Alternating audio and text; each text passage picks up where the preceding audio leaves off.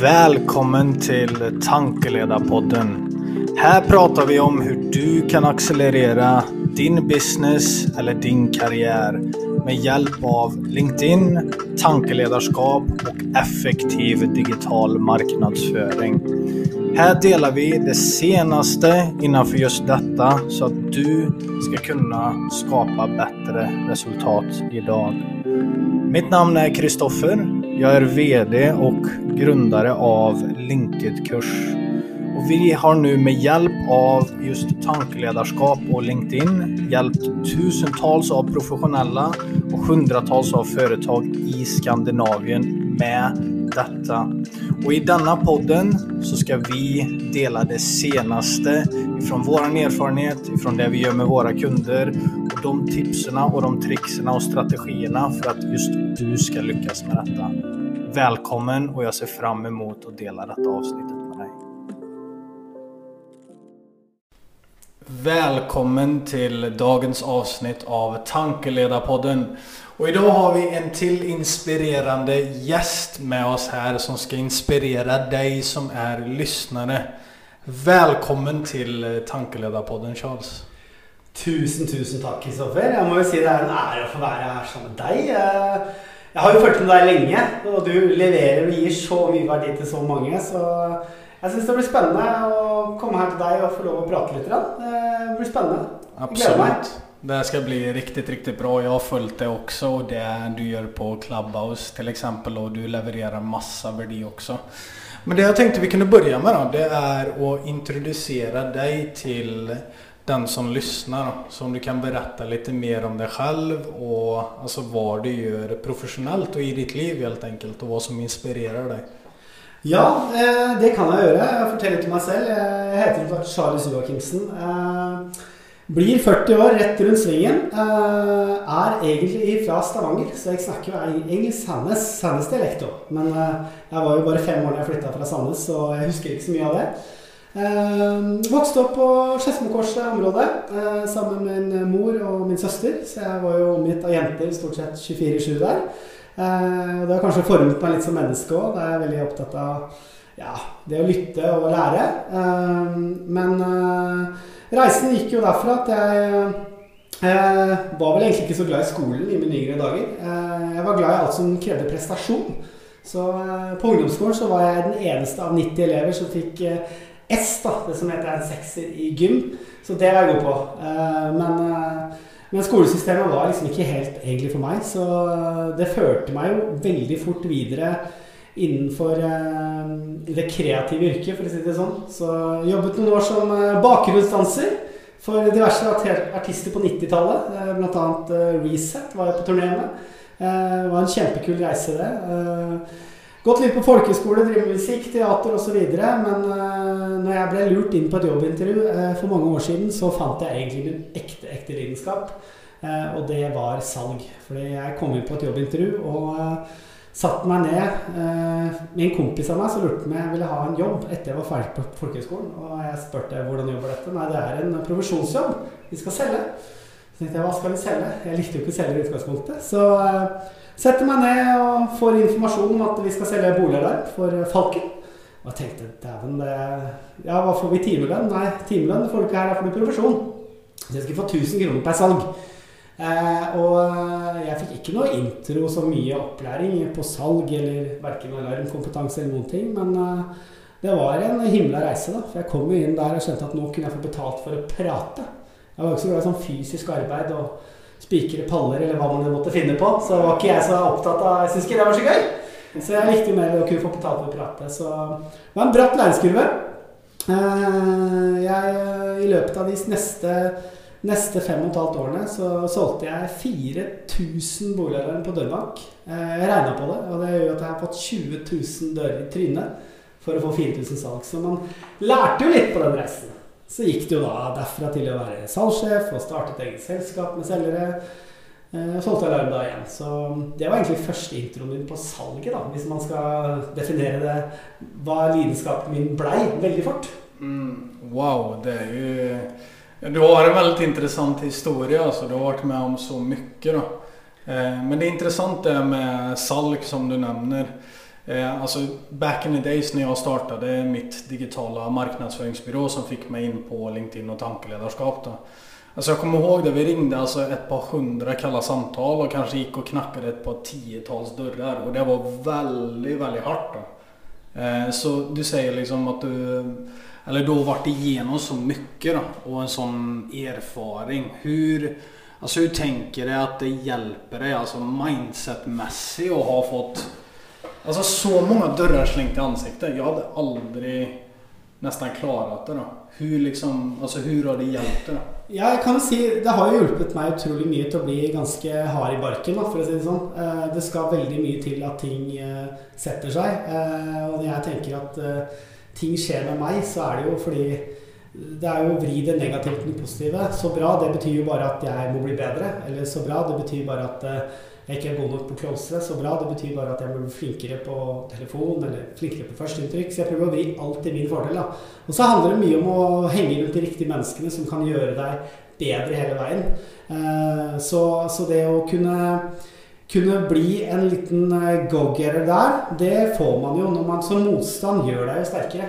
Eh, jeg merker jo selv at jeg, jeg har møtt veggen flere ganger, men nå, nå, pleier jeg å si hvis du, hvis du, møter veggen, så hils fra meg, pleier jeg å si. Ikke sant? Så jeg, jeg har liksom Ja, veggen kan komme på mange mulige måter, men jeg tror det viktigste er å ta et pust i bakken av og til. Og, og kjenne litt på hvor du er, hvor du skal, og hvor, hva du gjør, og hvorfor gjør du det du gjør akkurat nå.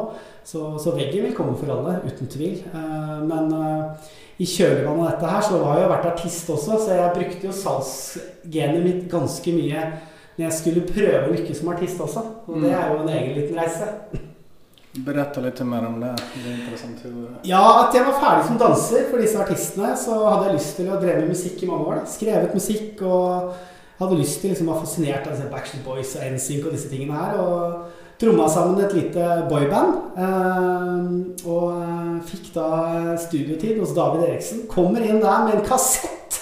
Her synger vi a cappella. Vi sang Boys to Man a cappella. Gi kassetten til David Eriksen, som sikkert mange av dere som lytter på nå, har hørt om. Han er jo en veldig dyktig produsent, og han ga oss en sjanse da, til å spille inn noen låter der med en av produsentene han hadde. Eh, og det gikk kjempebra. Eh, jeg var kanskje ikke the lead vocalist, men jeg kunne synge i hvert fall pop. Eh, så vi bestemte oss for at vi skulle reise til London og lykkes der. Så da satte vi en annonse i London, i en avis som heter The Stage, der vi skulle lete etter to medlemmer i London. Så vi reiste rundt på turné i London. Ehm, det startet egentlig ikke med turné, men det startet at vi måtte banke dører hos plateselskapene. Vi skulle få et plateselskap som skulle satse på oss. Så vi gikk inn i lobbyen til Universal, Sony og sang a cappella for kontordamene. Det var det vi gjorde. Og da fikk vi mye smil og latter. og så vi bodde i en leilighet i London og uh, fjernet alle møblene på kveldstid for å, uh, for å trene på koreografi. Med speilet foran oss fra vinduet. Altså Dette er noe skikkelig sånn før du hører om det historie. Eh, og endte med at hun dama som bodde under, sto med kosteskaftet og dunk, dunk, dunk, dunk, dunka opp i taket. Hey guys! Shut the fuck up! det var skikkelig sånn. Så vi endte med å få et management som ville satse på oss. Dette var før internett, altså tidlige tider når internettkafé var stort. Så vi skulle få en nettside. Vi valgte å kalle oss for Outbreak. Eh, kompisen vår, John Glover, var kompis med Elton John. Eh, satte oss opp på masse turneer, så vi varmet opp for Blue, Atomic Kitten, S-Club 7. Og vi var liksom en kombinasjon av norske killer, da. Norske gutter og engelske. Eh, det var fem stykk. Så eh, endte det med at vi skulle spille for Sony for UK. Sony for én million pund. Og da var vi så nervøse at vi holdt på å slite i buksa, rett og slett. For dette var, nå ble det virkelig en virkelighet. Vi skulle bli det neste boybandet som breaka Europa. Eh, og det endte med det at vi eh, skulle spille for Sony UK, men dagen før det så dro vi på et halloween-party som ikke gikk så veldig bra. Da hadde vi vært på en eh, liten fest, og så endte det med at jeg og en som heter John ble igjen på den festen. De andre gutta dro tidligere. Og når jeg og John skulle gå hjem fra den, fra den festen, så endte det med at vi gjorde noe dumt. Vi gikk på toglinja. Og det det endte med da, var at John ble faktisk påkjørt av tog og døde den natten i armene mine. Så det er en ganske brutal historie. Men da, da gikk det liksom opp for meg at uh, ja, er det dette jeg virkelig vil? Du mister en av dine nærmeste venner som ligger uh, i armene dine og er livløs. Så det var en, det var en sterk historie. Jeg det traff meg brutalt. Så Så dagen etterpå, når jeg våkna på sykehuset, en kompis var borte, og gutta kommer på sykehuset for å hilse på oss, eh, så, så husker jeg at da knakk jeg bare sammen, rett og slett. Og det var da, det var da jeg valgte å kalle det London-eventyret. Så det var en smell, en real smell at det var over. Jeg ville bare hjem. Det var liksom ikke så mye glede å erstatte en avdød boyband-venn som ja, kommer tilbake i leiligheten der, og sokkene hans ligger der, bildene ligger der, laderen til telefonen hans lå der. Så det var, det var sterkt inntrykk. Men uh, for å dra det videre, så kom jeg hjem. Var ett år hjemme. Uh, kjente på følelsen av å komme tilbake i salg igjen. Jobbet masse med salg i mellomtiden og finansierte musikken egentlig med det. Og så møtte jeg en kompis uh, som også var danser. Og han var fra Filippinene. Så da reiste vi til Filippinene på et nytt eventyr. Så da var det ett år i Filippinene og satset som en duo. Og det var gøy et helt år, det òg. Eh, masse spilte Lærte meg å synge tagalog og Så etter en, et år i Filippinene så fant jeg at nå reiser jeg bare hjem. Eh, og så fortsetter jeg med salg igjen. Så kom jeg tilbake i salgsringen. Men eh, da hadde jeg prøvd to ganger. Uh, Pusha drømmene til maks. Tømt kontoen x antall ganger. Eh, og da fant jeg ut at nå skal jeg bare slippe til musikk for å komme ut. Og da var da jeg begynte å Da skrev jeg en låt som heter 'Hjertested', som ligger ute i dag. Og lager musikkvideo og alt mulig. Så fikk jeg ett selskap. Det var sikkert 30 plateselskap som sa nei til meg. Men det var ett som ville satse på meg. De sa hvis du betaler alt selv, så satser vi på deg. Så jeg tenkte ja, ja, fuck it, jeg gjør det. Og da slapp jeg ut den låta, og da varmet jeg opp for Madcon og Josef og Sjave lenge før de liksom ble the big shit. da. Og da møtte jeg min kjære, og da, da, gikk årene for musikken inn. Da tenkte jeg nå skal jeg fokusere på business. Og da, da var det egentlig salg som var min greie derfra. Skjønner. hmm, Wow. Det er en heftig Altså både hård og altså, heftig historie. Um, den former deg jo litt. da, Den gjør at det, det blir jo en historie som, som treffer. Men det, det, er villig å tro på drømmen sin. Ha, ha en drøm, tro på den og, og, se at det er mulig. Så hvis du googler navnet mitt nå, Charles Joachimsen, så ser du at første artikkelen som popper opp, er en VG-artikkel. Og den som maste meg inn på VG uten å ha vært med et eneste realityshow, det var meg. Jeg ringte dem sikkert 20 ganger før jeg fikk et intervju på toppen av takterrassen med kassegitaren min og sang for dem. Eh, og da slapp jeg ut låta mi. Målet var VG-lista den sommeren, men når Usher lå på 30.-plass, verdens største artister, så skjønte jeg at da, det løpet var kjørt. Eh, så, så, men det var gøy, det var gjort det. Det henger på veggen. Accomplished, tenker jeg, og så har jeg lært noe av det. Så det er viktig å tro på drømmen sin. og ikke, altså vi, er, vi er født med ingenting, og vi dør med ingenting. Og da er det viktig å gripe mulighetene. Altså, I morgen kan det være for seint. Har du lyst på softis, så spis softis. Altså, Så enkelt er det. Eh, du må være villig til å gjøre det du brenner for, for ellers så lever du et fengsel resten av livet, og det er ingen som har lyst til. Det er viktig. Det er sant. Det er veldig, veldig bra sagt. Men jeg tror det også å vite at du har en mulighet til å gjøre det, og ta tak i det. Som du sier, altså, til slutt så går det for langt. da. Ja, det gjør jo det. Man må jo innse når man har begrensninger på seg selv og kapasiteten sin. Men uh, det jeg skjønte ut ifra den reisen der, at jeg kan faktisk få til alt jeg vil. Bare jeg legger kraft og energien min og fokuserer som pokker. Setter meg gode mål. Og det har jeg gjort flere flere ganger. Uh, mens bismaken i hele den historien er at når jeg satset og ble toppselger og hadde vært artist og vært danser og alle disse tingene, så blei jo den kjente faktoren på plass da, at jeg fikk jo også mer gjeld. For jeg var jo ikke så flink på å betale regninger. Det var jo ikke sånn bank-ID på mobil som jeg har i dag. Så jeg hadde jo en kamp innvendig der også. Så det tok jo eh, litt tid å rydde opp i den. Men det folk har en tendens til å gjøre, de overvurderer hva de kan få til på et år, men de undervurderer hva de kan få til på fem år. Så det tok meg nesten ti år å rydde opp i sølet mitt. Og da lovte jeg meg selv at jeg skal aldri noensinne på nullpunkt igjen. Og derfor har det bare vært heaven up, altså. Det å bli god på de tingene du er dårlig på, og støtte deg med de menneskene som er bedre enn deg på ting du ikke er god på. Det gjelder jo egentlig alt. Mm, skjønner. Veldig, veldig bra. Da. Men uh, hur var det altså, når du satt der liksom, på bunnen? Du har masse altså, gjeld og liksom Hur var det du egentlig tok tak i det? Hva var det som fikk deg til å liksom, ta deg ut det der? Og... Det var ikke sant? Det var jo neste, neste mål. da. Det var jo drømmen om å kjøpe en leilighet, uh, lage en fremtid for familien min. Og uh, det første steget var vel egentlig å innse at jeg hadde et problem. Uh, og være åpen om det med min nærmeste. Og det var jeg. Altså Jeg hadde tjent vanvittig mye penger på salg, men jeg hadde rota bort alt. Så jeg hadde jo egentlig ingenting. Så det, for, for det første så var det liksom det å, å spørre om hjelp, tørre å spørre om hjelp og ta tak i det. Men det er aldri så svart at det ikke kan bli verre, holdt jeg på å si. Siste steget er i kista, og der er vi ikke. Vi er født med ingenting, og vi dør med ingenting, og alt vi har nå, er jo pluss. Så for meg handla det mye om å gjøre, gjøre, de riktige tingene, lytte på de riktige menneskene. For hvis jeg fylte hodet med søppel, så fikk jeg søppel i hodet. Hørte jeg på ting som inspirerte og motiverte meg, så ble jeg bedre. Så når jeg vokste med 1%, 1 eh, hver dag, lærte én ny ting hver eneste dag om mindset, så ble jeg 365% bedre på et år. Og gud bedre, og det har fortsatt i ti år. Jeg lærer alltid nytt hver dag. Så for meg så handler det mye om å bruke den muligheten jeg kaller nettime. Det som jeg som småbarnspappa eh, bor jo på Lørenskog med min samboer og, og, min datter på ni år. Og for meg så handler det mye om nettime, det som er no extra time. Når jeg sitter i bilen eller er på en kollektiv, eller det å lytte til ting som gir meg næring. da og det har pushet meg hele veien. Så jeg starta å ta tak i problemet. Innse at jeg hadde et problem. Og så begynte jeg å jobbe smartere, og da måtte jeg finne den ekstra styrken og motivasjonen. Det som dytta meg gjennom. Eh, og når jeg ser tilbake på det i dag, så var det Det var eh, fake it till you make it, rett og slett. For det, det var ikke alle jeg ville fortelle det til. Men det ga meg også en ustoppelig energi og drive til å komme gjennom det. Så ikke undervurder hva du kan få til på et år. Nei, hva du kan få til på fem eller ti år.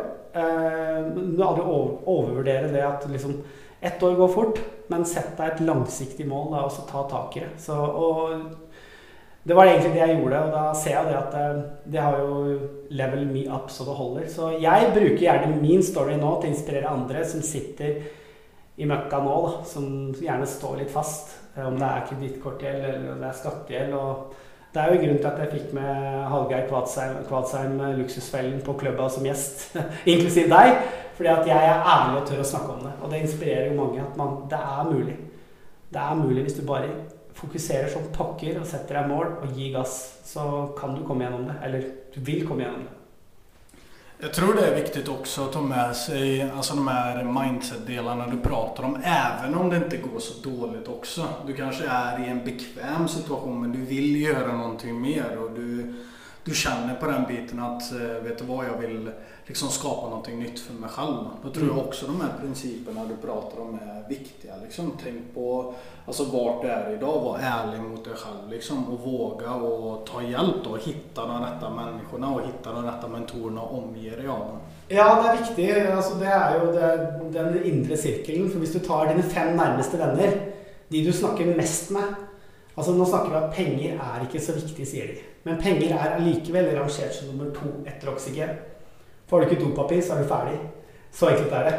Så penger trenger vi. Men hvis du tar dine fem nærmeste venner og deler inntekta på fem, inklusiv deg selv, så er det der du ligger på inntektsnivået. Så det handler om å få en sirkel som er dynamisk med mennesker som løfter deg opp. da. Så du må ha mulighet til å se ting med helikopterperspektiv. For det er ikke alltid like lett å se deg selv hvor du skal.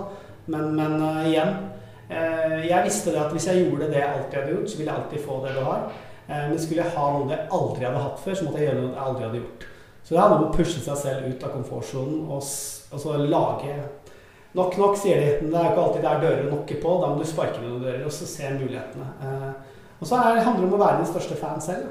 Hvis ikke du er ditt største fan, hvem skal være det da? Mm. Så vær din største fan. Se, se alle speilene du møter på i løpet av dagen. Og se i speilet at 'fy fader, jeg er bra'.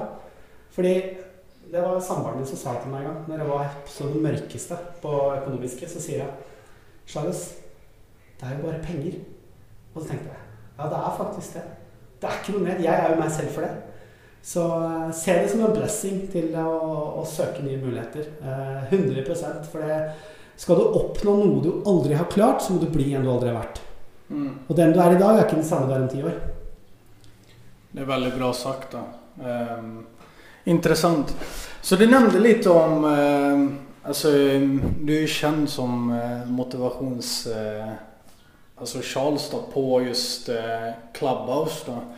Eh, och det vet jag, vi har haft en egen session där. Du har haft väldigt, väldigt inspirerande sessions där också. Du har byggt en väldigt stor community. Jag skulle vilja gräva lite i detta också. Eller i alla fall prata med dina insikter runt detta. För du har nu de senaste månaderna byggt dig alltså, som en av de största i Norge på Clubhouse. Vad skulle du alltså säga runt den här plattformen och även lite tips på just hur det är med att bygga just community, hur det är att hjälpa andra och alltså hur du kan bygga ett nätverk runt detta också? Ja, Veldig eh, moro at du spør, Kristoffer. Fordi Clubhouse kom jo inn i livet mitt. Eh, jeg jobber jo til daglig som eh, coach i et selskap som heter Sektor Alarm. Så jeg trener jo nesten ja, x antall hundre selgere i løpet av et helt år. Og det er gøy å kunne gi tilbake det jeg startet med selv. Å trene disse selgerne. Men jeg tror mye på det, som, altså det å gi tilbake, da. Gir du tilbake til noen som ikke kan hjelpe deg på noen som helst måte, så sier det så sinnssykt mye om deg som person. Um, så jeg har alltid trodd på det å gi, gi, gi, og det gjør jeg alltid alle settinger. Jeg har egentlig alltid gjort det.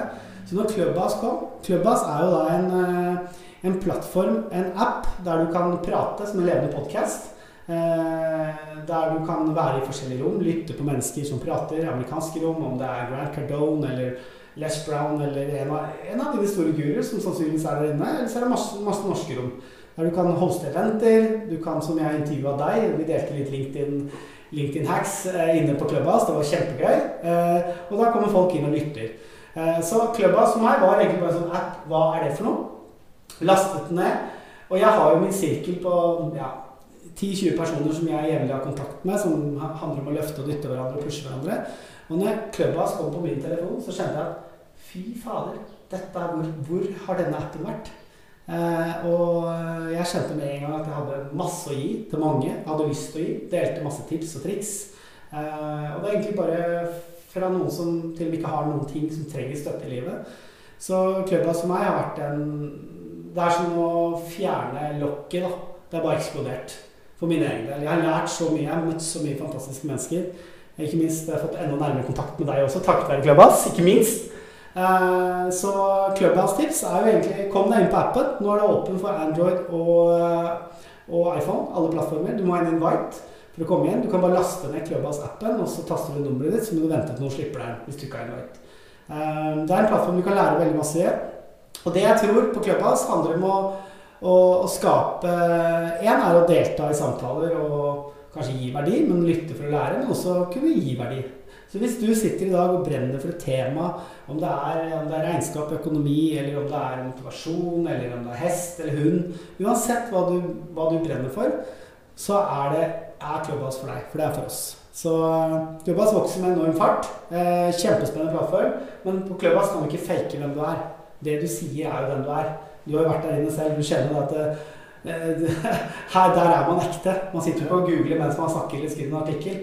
Så um, det har gått kjempebra. Jeg har fått et kjempestort nettverk eh, basert på at jeg da har selvfølgelig gitt mye av meg selv til alle.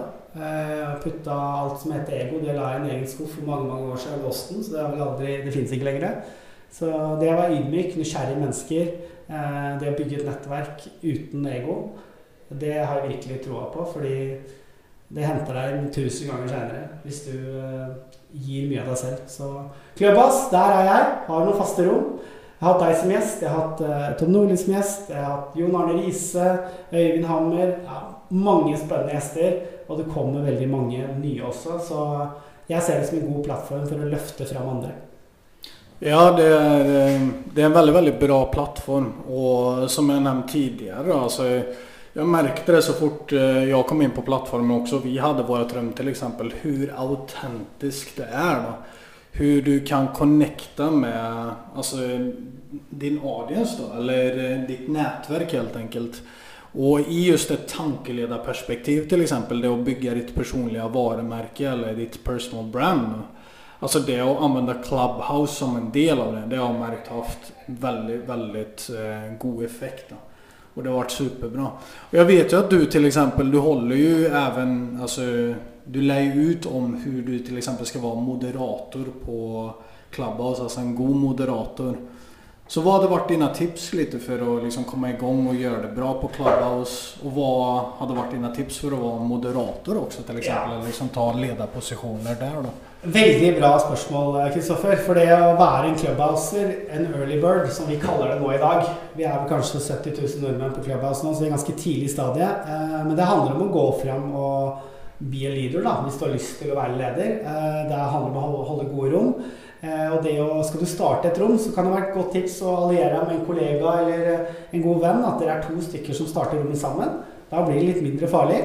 Og så handler det om det å lage, lage enkle temaer som gjør at folk har lav terskel for å prate. At du ikke blir for for detaljert. Det kan også skape en liten barriere for folk. Men legg en lav terskel. Eh, alle kan få lov å komme og prate. Litt avhengig av settingen du har på rommet. Prøv å finne ditt konsept og din nisje. Og så har vi dette med klubber, da, som også har kommet nå. Klubber kan alle opprette nå. Du kan opprette to klubber i måneden, eh, men da er det også lurt å tenke på at å bygge en klubb Det er som blanding hybrid av Facebook-side og Facebook-gruppe. Er at eh, Skal du bygge en klubb, så må du være litt aktiv.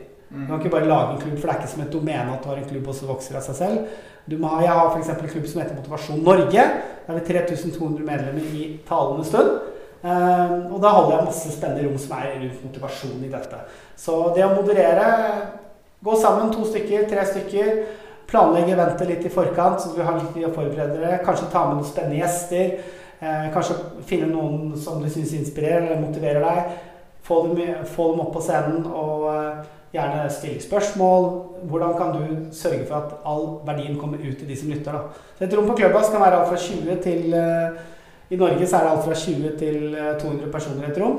Internasjonalt så har du rom på flere tusen. Men jeg tror det at det at det kan åpne mange dører for veldig mange, ja. Og ikke minst om du er, driver med business eller har en tjeneste du vil ut med folket til, så handler det om å gi. Det handler om bare gi, gi, gi. Og så vil du selvfølgelig få igjen. 100 eh, eh, Litt sånn som du gjør på LinkedIn. Gi verdi, verdi, verdi. Eh, og LinkedIn er fascinert av ennå den dag i dag. Lært utrolig mye av deg. Men LinkedIn har også gitt meg, gitt meg noen muligheter i løpet av livet. Altså. Virkelig. Det er interessant hvordan det altså, korrelerer med LinkedIn. Da, for det er precis det jeg prater om der også. Um, altså det ge värde, liksom, starta upp communities, engagera dig med andra. Kanske samarbeta, starta joint ventures. Liksom tänk på vad är din nisch? Och så i början gå inte allt för specifikt, speciellt här i Skandinavien där vi har relativt små marknader. Då är det viktigt att kanske starta väldigt generellt då, med motivation till exempel eller med salg eller med marknadsföring eller teamutveckling eller ja, vad det nu än skulle kunna vara. Eh, så det är väldigt, väldigt intressant. Og och du har ju också faktiskt byggt en stor eh, profil på LinkedIn med. Da. Ehm, ja, det har faktisk ikke jeg tenkt på før du, før du sier det akkurat nå. Men uh, jeg har jo skjønt hvordan algoritmene fungerer. For hvis du frequently deler ting som trigger, som skaper og deler i hvert fall litt original content som du lager, så er jo min drive er jo Jeg vil jo fungere som en heis. Altså Hvis du trykker på meg, så løfter jeg deg opp. Hvis du er nede, så sender jeg heisen ned, og så drar jeg deg opp. Så det å fungere som en heis for mennesker, løfter de opp, uansett setting du måtte være i, så, så tror jeg litt LinkedIn er litt sånn også. Det å kunne gi verdi uten å kreve noe tilbake.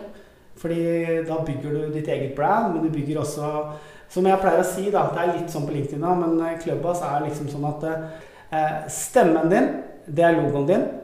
Personligheten din, det er, eh, det er, eh, det er visittkortet ditt. Og hvordan andre føler seg etter å ha hatt en samtale med deg, det, betyr, det blir brandet ditt.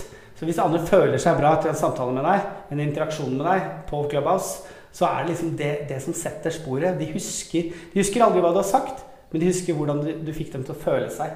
Så hvis du får folk til å føle seg bra, det gjelder også på LinkedIn. Jeg ser jo den approachen folk som er profesjonelle på LinkedIn har. Du, du, de er genuint interessert i deg. De, de, de, skriver ikke til deg for å selge deg noe, men det gjør at du har lyst til å svare. Og det, det er genuint, altså. Hvis man er der, så blir man en pro uansett. Altså. Det är det som er viktig. Det er relasjonsbyggende. Liksom. Det er det menneskelige aspektet i det. Altså sociala medier, det er en teknologi men det er samtidig mennesker vi altså, samarbetar med. Og speciellt i business. Vi, altså, vil vi skapa nya businessmuligheter og bli alltså, en kjent expert på altså, egentlig hvilken kanal som helst just nu. da handler det om å tenke på okay, hvilke er det du vil nå ut til, være autentisk connecta med de här då. Men sen är det också förståelsen för din marknad då och skapa den här födelsen och alltså lämna dem med en god känsla och det blir ditt brand då. Och senare så kommer detta Alltså, det är helt fascinerande vad det kan ge. Liksom, alltså, jag, det har hjälpt mig extremt mycket. Alltså, vi har många exempel med dem vi har samarbetat med som har hjälpt det. Liksom. Jag tror, alltså, jag brukar säga som så här, det är som, det är som att investera i eiendom nästan, eller i aktier. För det er en egen valuta da, Altså din audience og hva du gir tilbake dit da. Mm. Det er alltid, de kan alltid hjelpe deg på din professionella karriere, på din resa liksom med eh, businessmuligheter også. Og sen såklart att alltså, träffa häftiga människor, inspirerende mennesker. Altså, vi hadde aldri sittet der sammen og gjort dette om vi ikke hadde hatt den muligheten å connecte med hjelp av Clubhouse og sociala medier. Ja, og det er så riktig det du sier, for jeg tror virkelig på det å gi verdi. Hvis du, hvis, du, hvis du, gir verdi, så kommer det tilbake. Og jeg ser jo det allerede nå, as we speak, så får jeg henvendelser om å holde enten foredrag eller innlegg på salg. Og når jeg har fått 20 000 nei, så har jeg lært noe på den veien. Da. Hvordan nullsette seg, eh, hvordan klare å, å, pushe seg gjennom alle murveggene du møter. Eh, og, så jeg driver og setter sammen en lite opplegg nå der det er liksom, hvordan du kan selge hva som helst til hvem som helst men egentlig skreddersydd på profesjonsselgere. Hvordan du kan øke salget ditt med enkle, enkle strategier eh, som gjør at eh, du kan doble det med både frekvens, energi, følelser og det det handler For meg så handler salg om to ting. Det handler om energi og følelser.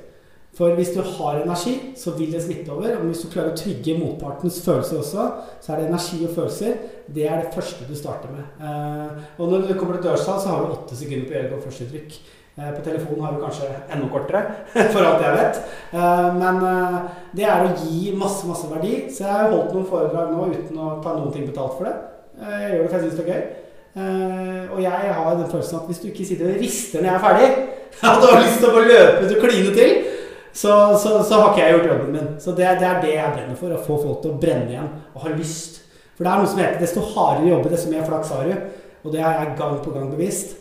Eh, både med motvind og i medvind, for å si det sånn. Du er veldig god på det også. Du er motiverende. Altså. Det er, det er så mange som er takksomme for det, så fortsett med det altså. Det skal jeg gjøre. 100 Jeg kommer til å ha mange spennende rom på Clubhouse fremover. Og jeg pleier å si det så fint, er at jeg bruker fritiden min på Clubhouse. For det er faktisk det jeg gjør. Jeg bruker mye av fritiden min. Og så har jeg selvfølgelig sagt fra til min kjære hjemme at uh, nå skal jeg ha rom, så ikke hun tror jeg sitter i telefonen. Dattera mi kommer bort til meg. 'Pappa, er du ferdig i møtet snart?' For jeg måtte sitte på møte. Så vi har kjørt uh, Clubhouse Get Talents, der vi har hatt flere sangtalenter som har oppe og sunget. Nå skal vi ha en innsamling til Barnekreftforeningen på Clubhouse. En hel dag med et rom der vi kjører vaktlister på hele dagen. Målet vårt er på én dag å samle inn 50 000 kroner til Barnekreftforeningen, som ikke får støtte av staten. Så vi skal bruke en plattform til mye bra. Eh, så for meg er eh, Clubhouse bare en gave. Men igjen, det er fordi at jeg nå får lov å endelig gi gass på noe jeg brenner for, og det er mennesker. Mennesker og energi, det er bare Ja, da, da er det ferdig, altså. Da er det bare å gi gass. Herlig. Skikkelig inspirerende, altså. Men eh, det har vært et veldig veldig bra avsnitt. Din historie er veldig stark og eh, den kommer hjelpe mange flere også. Eh, du er alltid lika motiverende alltså, att ha med på podcast og i Clubhouse. På LinkedIn også, altså vart du än er. Men for de som ble inspirert nå, Charles, eh, kan man veta mer om deg, og vart kan man finne fram til deg? då? Ja, da er det veldig enkelt. Enten så søker du opp navnet mitt på LinkedIn, sender meg en melding hvis du har lyst til det. Hvis du tenker at eh, ja, jeg har noen selgere, trenger litt tips og råd, eh, så er det sånn at du kan putte meg foran folk i en time, så får jeg til å eksplodere etterpå. Det er 110 Eller så kan du søke meg opp på, eh, på Instagram, Motivation by Charles. Der er jeg. Deler masse spennende ting hele tiden. I hvert fall ting som jeg syns trigger. Så foreløpig er det ikke noe domene eller noen ting, men vi får se hva fremtiden bringer. Eh, og så må jeg si tusen takk til deg, Kristoffer, som gir så mye verdi. Jeg skal åpne mange dører for deg også. Det, det, handler om å gi. Så hvis du skal være der ute nå i dag, og du lytter på nå, tenk deg hvem er dine topp tre mennesker du kan gi verdi til i dag, eh, uten å kreve noe tilbake. Hvis du kan gi noe til noen uten at du, du får noe tilbake, da Toppen av integritet er jo det du gjør når ingen ser på. Men gi noen til noen i dag som ikke har mulighet til å gi noe tilbake ennå. Det det kan gi deg masse masse verdi i fremtiden. Så jeg sier bare tusen takk for at vi kom her. Kjempegøy å skravle med deg. Det er alltid like gøy. Vi, vi kommer til å ha mange gode samtaler fremover i tiden. Og ønsker jeg lykke til med podkasten, og takk for avsnittet. Takk så mye. Wow, det var et perfekt avslutt.